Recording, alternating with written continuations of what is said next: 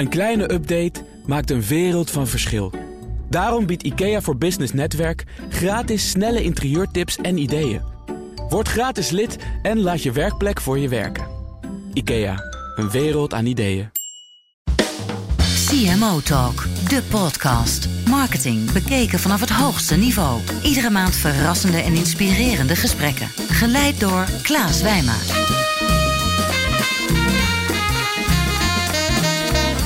Welkom bij CMO Talk. Ik ben Klaas Wijmer van Energize. En vandaag gaan we ons onderdompelen in de wereld van verf. Want naast mij in de studio heb ik Kim Potters. En Kim is marketing director bij Axo Nobel. En verantwoordelijk voor de verfmerken Sikkens en uh, Flexar. Kim, van harte welkom. En ik moet zeggen, ja, groot nieuws. Want dit was wel een beetje uh, lastig plannen, toch, dit interview? ja, nou ja, dankjewel in ieder geval. Ja, nee, het was lastig. Ik zit uh, in de laatste twee weken voor mijn uh, zwangerschapsverlof. Maar het is gelukt. CMO Talk, aangeboden door Tijdschrift voor Marketing. Discussieer mee op hashtag CMO Talk. We voelen ons vereerd dat je, ondanks deze drukke periode, hier tijd voor vrij wil maken. En ja, ik heb er ontzettend veel zin in. Want Kim, vertel eens, hoe zit het met het glazen plafond bij AXO? Ja, het glazen plafond bij AXO. Uh, ik denk eigenlijk vaak dat het glazen plafond meer in uh, dames zelf zit. Of in de maatschappij dan uh, zozeer bij bedrijven. Ik weet dat in onze exco de CFO een vrouw is. Uh, wij zitten zelf in het MT met een paar dames. Wel op marketing en HR. Oké, okay, mm-hmm. die, zie je, die zie je vaak wel aankomen. Ik geloof echt dat het heel vaak bij vrouwen zelf ligt. En wat ze van zichzelf verwachten. Of wat andere mensen van je verwachten. Het zit in hun hoofd. Ja, dat het ergens in het hoofd zit. En ik ervaar het zelf dus helemaal niet. En heb het ook nooit ervaren. En, uh, ja. Voor jou voldoende carrière mogelijkheden. Ja, ik zie dat, ik zie dat gewoon nog wel gebeuren. Ja. En uh, wat ik zeg, ik denk dat we onszelf zeg maar niet te moeilijk moeten maken. En het is ook heel erg de keuzes die je, die je voor jezelf maakt, denk ja. ik.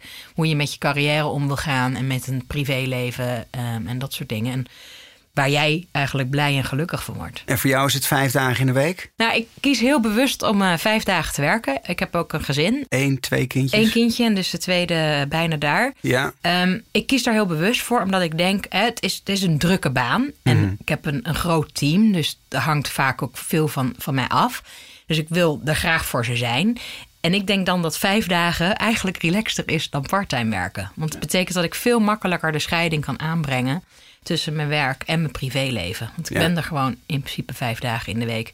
Het is eh, thuis wat meer geregeld, maar eh, Dat komt allemaal goed. Zo te zien, je oogje vrij ontspannen hier. Dus dat, eh, dat komt nog even in hetzelfde thema. Mannen komen van Mars, hè? zo schijnt het. Het wordt ook wel eens gezegd. Zie jij een groot verschil in de marketingaanpak van je mannelijke collega's en, eh, en de vrouwen? Om toch maar even binnen dat thema te blijven. het is mij eerlijk gezegd nog nooit opgevallen. Dus ik heb er eigenlijk nog nooit op die manier over nagedacht... of nou mannelijke marketeers anders zijn dan vrouwen.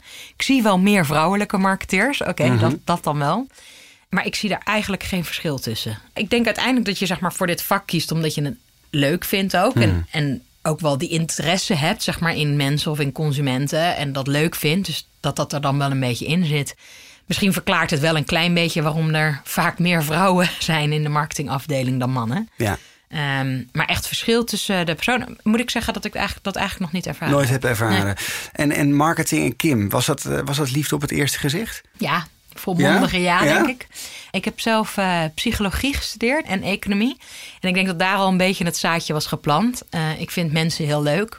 Eh, ik studeerde ook psychologie van de gewone mens. En waarom die zich gedraagt zoals die doet. En hoe je gedrag kunt beïnvloeden, vond ik heel erg interessant. Ja, dat is eigenlijk het, het zaadje een beetje geplant voor, voor, voor marketing. Je zat in een college en, en toen werd je geïnspireerd. Toen had je zoiets van, hé, hey, dit is de route waar ik op wil gaan. Ik dacht ooit, ik ga arbeid- en organisatiepsychologie studeren. Nou, dat is heel erg gericht. Ik dacht, dat is dan wat meer bedrijfskundig. Maar dat is heel erg gericht op organisatieculturen en dat soort dingen. En, hoe je, en, en veel onderzoek daarin. En op een gegeven moment kreeg ik een vak dat ging over sociale psychologie. Nou, hoe gedraagt de mens zich? Hoe beïnvloeden mensen elkaar? En op een gegeven moment kregen we ook een vak consumentengedrag. En dacht ik, ja, dat is leuk. Atti- hè, hoe kun je nou attitudes van mensen veranderen? Ja. Hoe kun je gedrag van mensen veranderen? En die combinatie ook met economie maakte hè, dat je ook, ook het commerciële stuk erachter hebt.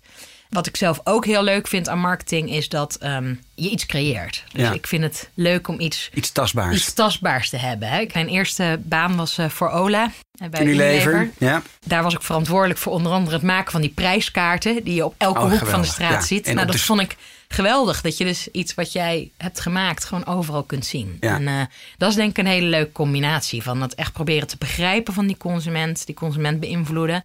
maar ook kunnen creëren. Of het nou producten zijn of campagnes. Iets tastbaars maken. Van praktische tips tot visie. Dit is CMO Talk. De eerste stelling. Marketing kun je niet leren, het zit in je bloed of niet.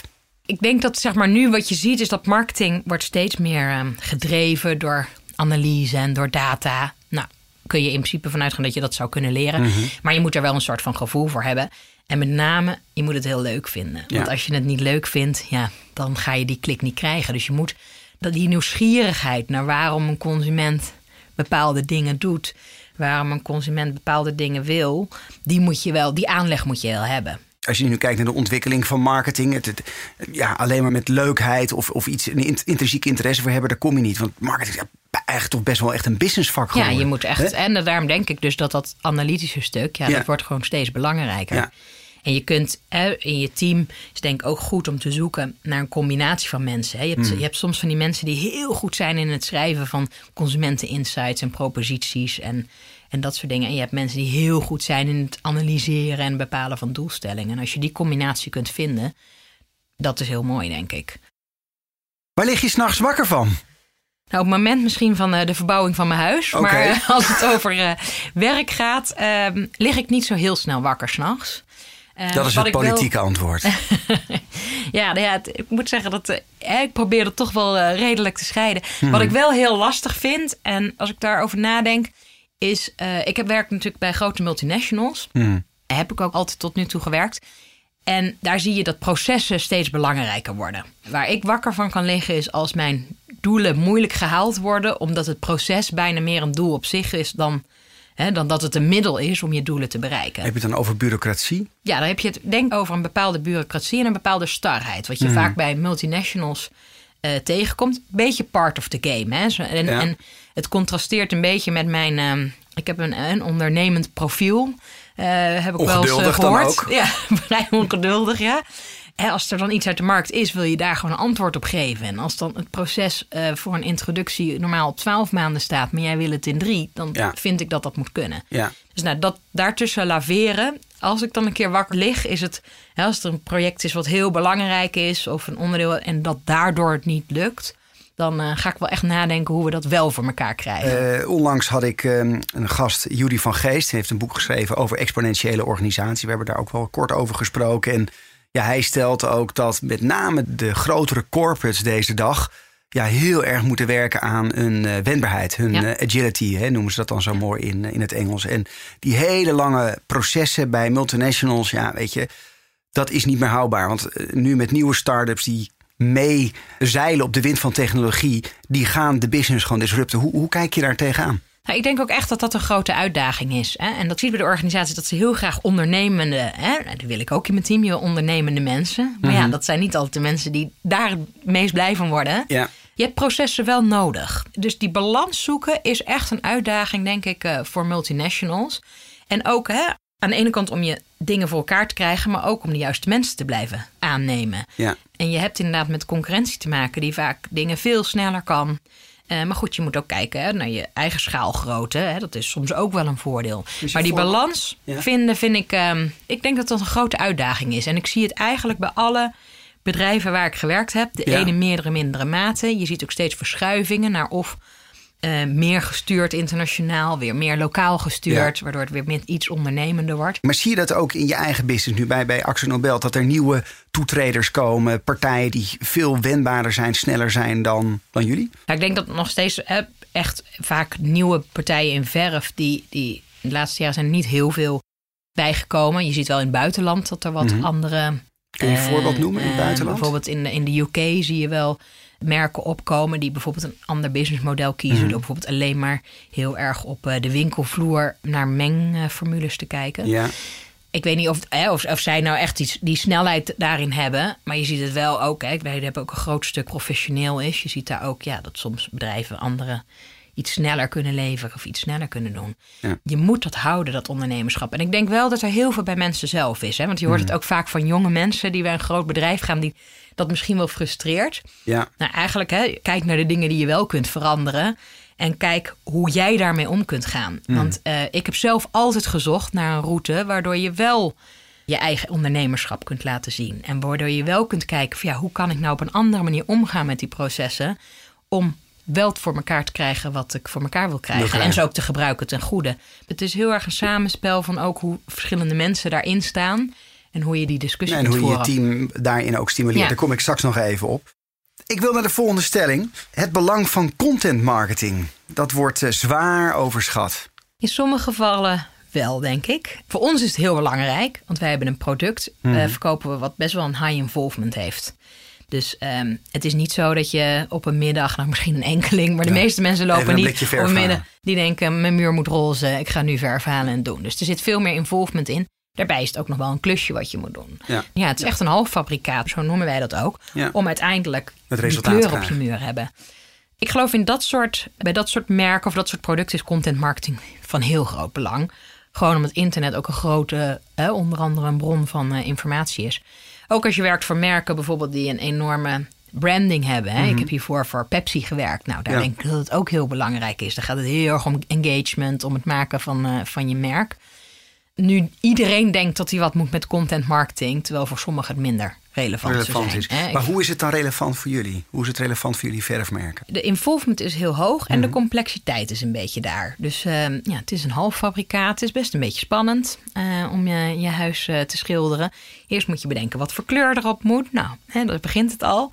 En dan moet het ook nog gebeuren.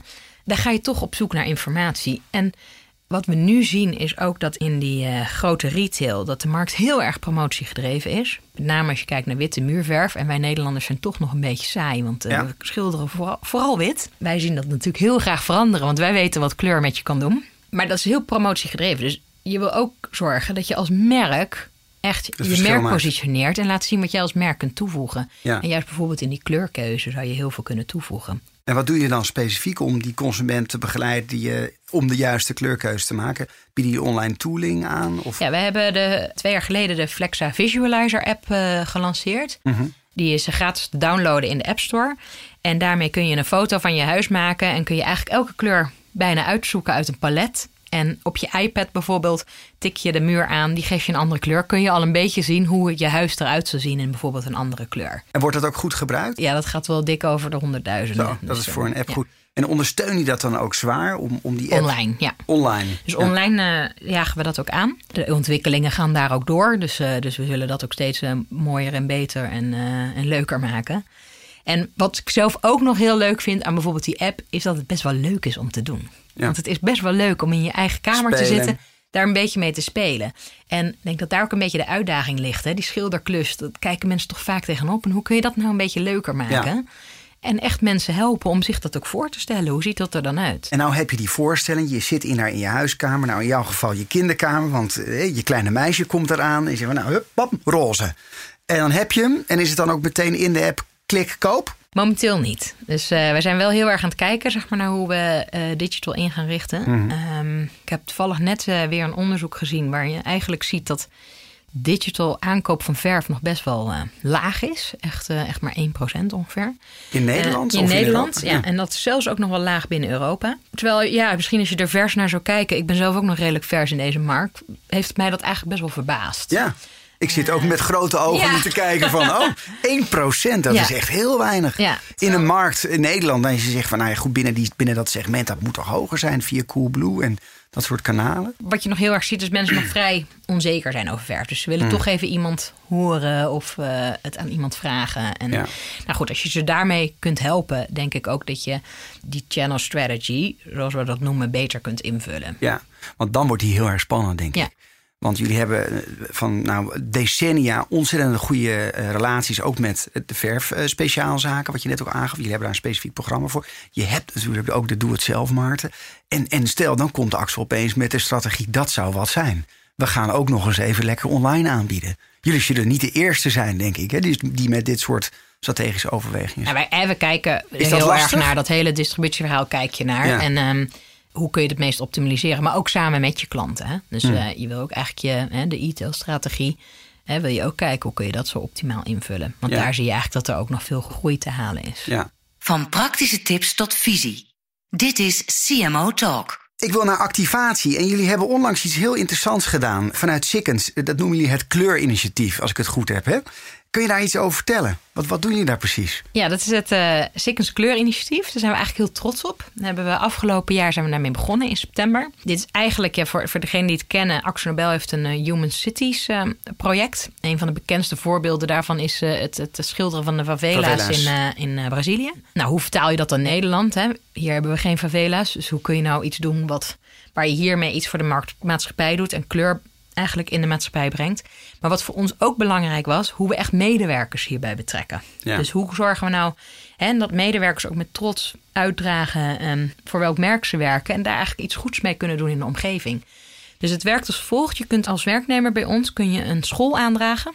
Waarvan je zegt, nou die kan wel een opknapbeurt gebruiken. En die willen dat graag. Pas verleden was ook in het nieuws dat onder scholen eh, het renovatiebudget nog gelijk is als in de jaren tachtig. Dus daar is geen inflatie op eh, toegepast. Dus daar zie je ook heel erg die behoefte aan hulp daarin. Ja. En wij knappen dan één eh, ruimte in die school eh, op. Als die school geselecteerd wordt. En dat doen we dan ook weer samen met oud Sikkens-schilders. Schilders uit de schildersvakopleiding onder hun hoede nemen. Want het is ook vrij moeilijk om stageplaatsen te vinden voor. Ja. En dit kan dan meteen gelden als stageplaats. En er is een heel project omheen voor de kinderen ook. Over kleur, over schilderen en dat soort... Ja, hè, om, om het echt eh, te laten leven. Nou, we hebben nu al een heel aantal scholen gedaan. En, eh, Hoeveel dan? Hoeveel ja, gedaan? volgens mij hebben we er ongeveer 15 gedaan. Nu 15? sinds september. En er staan er nu nog ongeveer net zoveel in de planning voor de komende maanden. Maar we willen het ook uit gaan breiden. We deden dit eerst alleen in ehm, Decorative Paints, dus, eh, Mhm. het business unit waar ik werk. Maar we willen het eigenlijk naar Action wel uitbreiden. En zie je dan alle medewerkers ook in de rij staan? Ik wil mijn eigen school. Want ja, ik kan me dat voorstellen. Ja, ik word er meteen enthousiast Ja. van. Ik denk van, ja, te gek.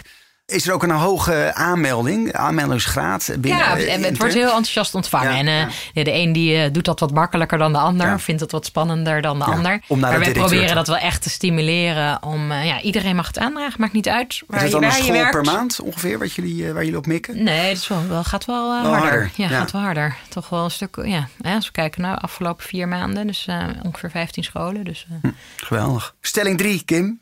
Word zou verboden moeten worden voor marketeers. Ja, Word. ik eh, krijg altijd heel erg veel jeuk van heel veel tekst. Ik heb wel eh, gehad dat je van die marketingplannen van eh 24 pagina's lang. Nou, dat Ja. vind ik gewoon best wel een uitdaging. Dus ik ben zelf meer van de plaatjes. En ik geloof ook heel erg dat je je verhaal moet overbrengen. Jouw verhaal te vertellen. Dus je moet iets ook jouw verhaal te maken. Hè? Dus eh, nou, het liefst in een setting waar je het live kunt vertellen. Ja. En dat je dat moet ondersteunen met plaatjes. Want ik geloof, dat is namelijk ook veel makkelijker te onthouden voor mensen. Ja, dus jouw eigenlijk ideale marketing is meer een prentboek, een, een storybook, hè, dan, dan en een heel dik marketingplan.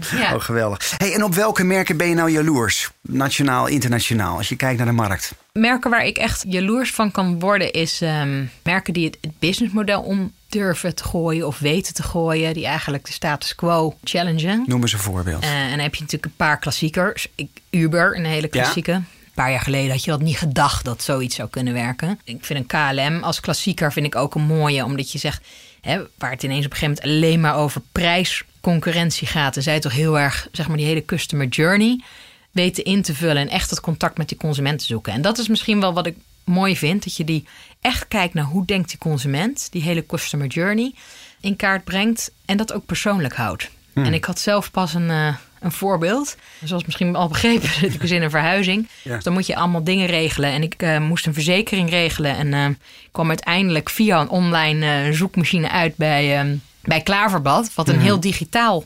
Ja, eigenlijk hebben die alles digitaal geregeld. Op het moment dat je vastloopt, kan je meteen bellen. Inderdaad, geen doorkiesmenu. Ze en word je, meteen geholpen. eh, super persoonlijk. Vervolgens in datzelfde uur eh, moest ik bellen met eh, de Ziggo-vrienden. Ziggo-vrienden. Eh, wat toch eigenlijk waarvan je zou zeggen... nou, dat is een digitale product wat zij leveren. Nou, voordat ik daardoor was... Nou, hè, dat ben je een heel eind verder. Heel ingewikkeld. En vervolgens aan het eind van de dag kreeg ik een mailtje met... u de abonnement is opgezegd. Terwijl ik Punt. dat toch echt niet had gedaan. Het moest Oh. gewoon verhuisd worden. Eh, het is uiteindelijk wel goed gekomen hoor. Maar ik vind het dus heel interessant, zeg maar, dat je dus wel in die nieuwe wereld bent, maar toch Ja, dat hele persoonlijke, houdt. En hoe, hoe pas je dat dan zelf toe als je naar die merken kijkt? Want je bent nu in charge of hè, those beautiful brands. Ehm, hoe doe je dat dan? Ja, ik vind dat dus ook voor onze eigen merken heel erg belangrijk. En dan is er best wel een verschil tussen een Sikkens merk of, een, of een, bijvoorbeeld een Flexa. Flexa. Dat zijn dan onze grootste. Flexa waarbij je een hele brede doelgroep aanspreekt. Ja, daar wil je eigenlijk ook gewoon zo persoonlijk mogelijk zijn. En toegankelijk zijn. En hoe doe je dat dan? Ik denk dat eh, digital daar een hele grote rol in speelt. En dat je dus ook moet helpen om hè, die consument contact met jou op te laten nemen. Wat ik wel aardig vond is bijvoorbeeld ook een voorbeeld van ehm, Gamma. Waarbij je gewoon WhatsApp, als je een klusje aan het doen bent, kunt WhatsAppen. En dan eh, gaat er iemand van Gamma reageren met eh, Oh, dat is hoe het moet. Nou, dat Ja. vind ik zelf ook een hele mooie... dichtbij. Hebben jullie bijvoorbeeld, jullie noemt heel duidelijk hè, de customer journey, het in elkaar Ja. brengen van nou, die klantreis, wat zijn de moments of truth, de touchpoints, nou dat is bekend. Maar je noemt ook het persoonlijke aspect. Wat kennen jullie jullie klanten? Weten jullie als mensen op jullie digitale kanalen komen wie die mensen zijn? Wat je ziet is, eh, het digital team hebben wij eh, eigenlijk afgelopen jaar opgestart. Een vrij groot eh, team. Acht personen, waarvan Ja. een deel zich meer richt op e-commerce en Ja. een deel meer op communicatie. Dus we zijn dat heel erg in, in kaart aan het brengen. Nou goed, ik noemde net al hoe weinig er eigenlijk in verf online verkocht wordt bijvoorbeeld. Ja. Het staat nog een beetje in de kinderschoenen. Dus er is nog heel veel basiswerk te doen. Daar zijn we ook heel druk mee bezig. Maar ja, goed, in principe heb je natuurlijk alle mogelijkheden om dat contact met je klant te hebben te en bouwen. te houden. Ja. Als je terugblikt op je carrière, je bent nu pak een beetje zo'n 15 jaar eh, bezig, eh, redelijk de top bereikt al hè, binnen het marketingvak. Als je terugblikt, wanneer in je carrière ben je het hardst gevallen en weer opgestaan? Als ik daar echt over nadenk, ik, ehm, hè, je kunt aan de ene kant iets doen, heb je iets, iets verkeerd gedaan of, of hoe heb je dat opgelost. Maar ik denk, als ik echt terugdenk aan wat een hele hoge impact op mij heeft gehad, dus ook wel vrij persoonlijk, is dat ik ehm 2009, 2010 ben ik geopereerd aan een acute hernia en die kwam er niet voor niks. Dus dan hoor je van de een op de andere dag, morgen ben je er een paar maanden uit en Wauw. dan moet je toch even na gaan denken. Ik denk dat dit iets is wat veel zeg maar, mensen, hè, vooral in het begin 30, eh, wel herkennen, met name vrouwen. Is dat die balans, zeg maar, werk-privé was best wel zoek. Dus het was wat heel doelgericht en heel erg alleen maar bezig met Knallen. met, met knallen. Inderdaad, wat je wil, als een bulldozer bijna overal overheen. Maar daar vaak heel vaak jezelf vergeten. Dit was een enorm belangrijk moment waarom ik, ik moest weer gaan nadenken. Ja, ik zat eerst ook drie maanden thuis, gewoon Ja. ineens. En eh, zo'n herstel duurde ook best wel lang. En ik heb daar ook heel veel over nagedacht. En ik denk dat ik daar uit ben gekomen als, als een leuker mens. En ook beter met mijn werk om kan gaan. Dus ik kan het beter relativeren. Ik kan beter mijn werk en privé scheiden. Scheiden. En zie ook het belang daarvan. En ik denk dat dit een belangrijk thema is. En dat met name, ik zie het veel bij ook andere vrouwen gebeuren. Ja. Is toch dat ze zoveel van zichzelf eisen. Ja, je moet wel een beetje ook voor jezelf blijven. En wat moet die drukke vrouw die nu luistert, welke, welke les wil je, wil je hun meegeven om niet diezelfde fout te maken? Probeer er af en toe eens op te reflecteren en daar gewoon eens over na te denken. Van hoe zit dat nou? Of over te praten. Of hoe vind ik dat nou? Hoe voel ik dat nou? Wat doet het met me? Als het op een gegeven moment misgaat, ja, daar heeft niemand wat aan. Dus, eh, en voor mij, oké, het was een echt op een harde manier. kwam daar wel, ja, ik kwam daar echt sterker uit. En dat gaat niet voor niks, want het is niet zo dat je eens een avondje met een vriendin kletst en denkt, nou, nu ben ik er wel uit. Nee, dat heeft me wel veel werk gekost. En, en die investering is het ook waard. Dus je moet af en toe echt investeren met wat wil ik nou? Wat vind ik belangrijk? Hoe wil ik de Ja. dingen verdelen? En Ik hoe vind- heeft iedereen daar het Ik meest vind, aan? het, ik vind het heel moedig, Kim, want je staat op het punt om een tweede kindje te krijgen. En er wordt ook altijd wel gezegd. Nog zo'n then moment. Family life starts. Nou ja, weet je, never a dull moment, toch? Ja. Hey, eh, laatste vraag. Heb je nog een leuke scoop voor ons? Ja, ik denk dat ik wel iets leuks heb. Tadaa. Nee, ik heb het al een beetje gehad over die, eh, over die customer journey. En hoe, Ja. eh, hoe mensen, hoe moeilijk ze het vinden eigenlijk om eh, kleur te kiezen. Echt daadwerkelijk wat anders dan wit op eh, de muur te krijgen. En wij zijn heel erg bezig met eh, die consument helpen om dat makkelijker te maken. Nou, die Visualizer app heb ik al genoemd. Dat is Mhm. Ja. een voorbeeld daarvan. En we komen straks met een hele coole en leuke kleurtester. Waarmee mensen zeg maar, thuis hun eh, kleur al een beetje kunnen uittesten en zien hoe het er echt uitziet. Ja, dus daar kun je al een klein beetje verf mee op je muur aanbrengen. Ja? Eventueel één, twee of drie verschillende kleuren. En kijken welke je het mooist vindt. Hoe die dan s'avonds nog in het licht valt overdag. Om vervolgens uiteindelijk de kleur te kopen en eh, zo te Spannend. schilderen. En die kan je er Het ook is weer een heel makkelijk leuk ding. afhalen als het de verkeerde kleur En je is? moet er wel overheen schilderen. je moet er wel maar- overheen. zien. Oh, dat is een leuk ding. Oké. Ja, en eh, nou, ik kan hem je nu niet laten zien. Oh, maar eh. Eh, het komt er snel aan en het is gewoon ook een heel leuke tool. En daar geloof ik in. Maak het nou, we proberen het gewoon ook een beetje leuker te maken. Leuker te maken. Ja. We kunnen het niet makkelijker maken. Het schilderen, dat moet je toch echt Dat is een zelf andere. doen. dat is een andere. Hey Kim, ik wil je ontzettend bedanken voor je tijd nogmaals en moeite die je hebt genomen. En de luisteraars dank dat jullie het hele interview hebben uitgeluisterd. Mijn dank is groot. En eh, wil je nou nog meer inspiratie opdoen? Dat kan het natuurlijk op cmotalk.nl. En ik wil toch ook even Jente en zijn geweldige geluidsstudio Voicebooking bedanken. Die nu al een hele tijd bezig zijn met geweldige edits. En er iedere keer een feest van maken. Eh, heb je vragen? Klaas.energize.nl of stel ze ook aan Kim. Dat kan ook via cmotalk.nl. Ze is 24-7 online. Eh, heeft een hele privéleven in balans. Dus eh, is gewoon te bereiken. Dank jullie wel voor jullie tijd. Dank voor het luisteren naar de CMO Talk podcast. Ga voor meer afleveringen naar cmotalk.nl. CMO Talk wordt aangeboden door Tijdschrift voor Marketing en is ontwikkeld door Energize en voicebooking.com.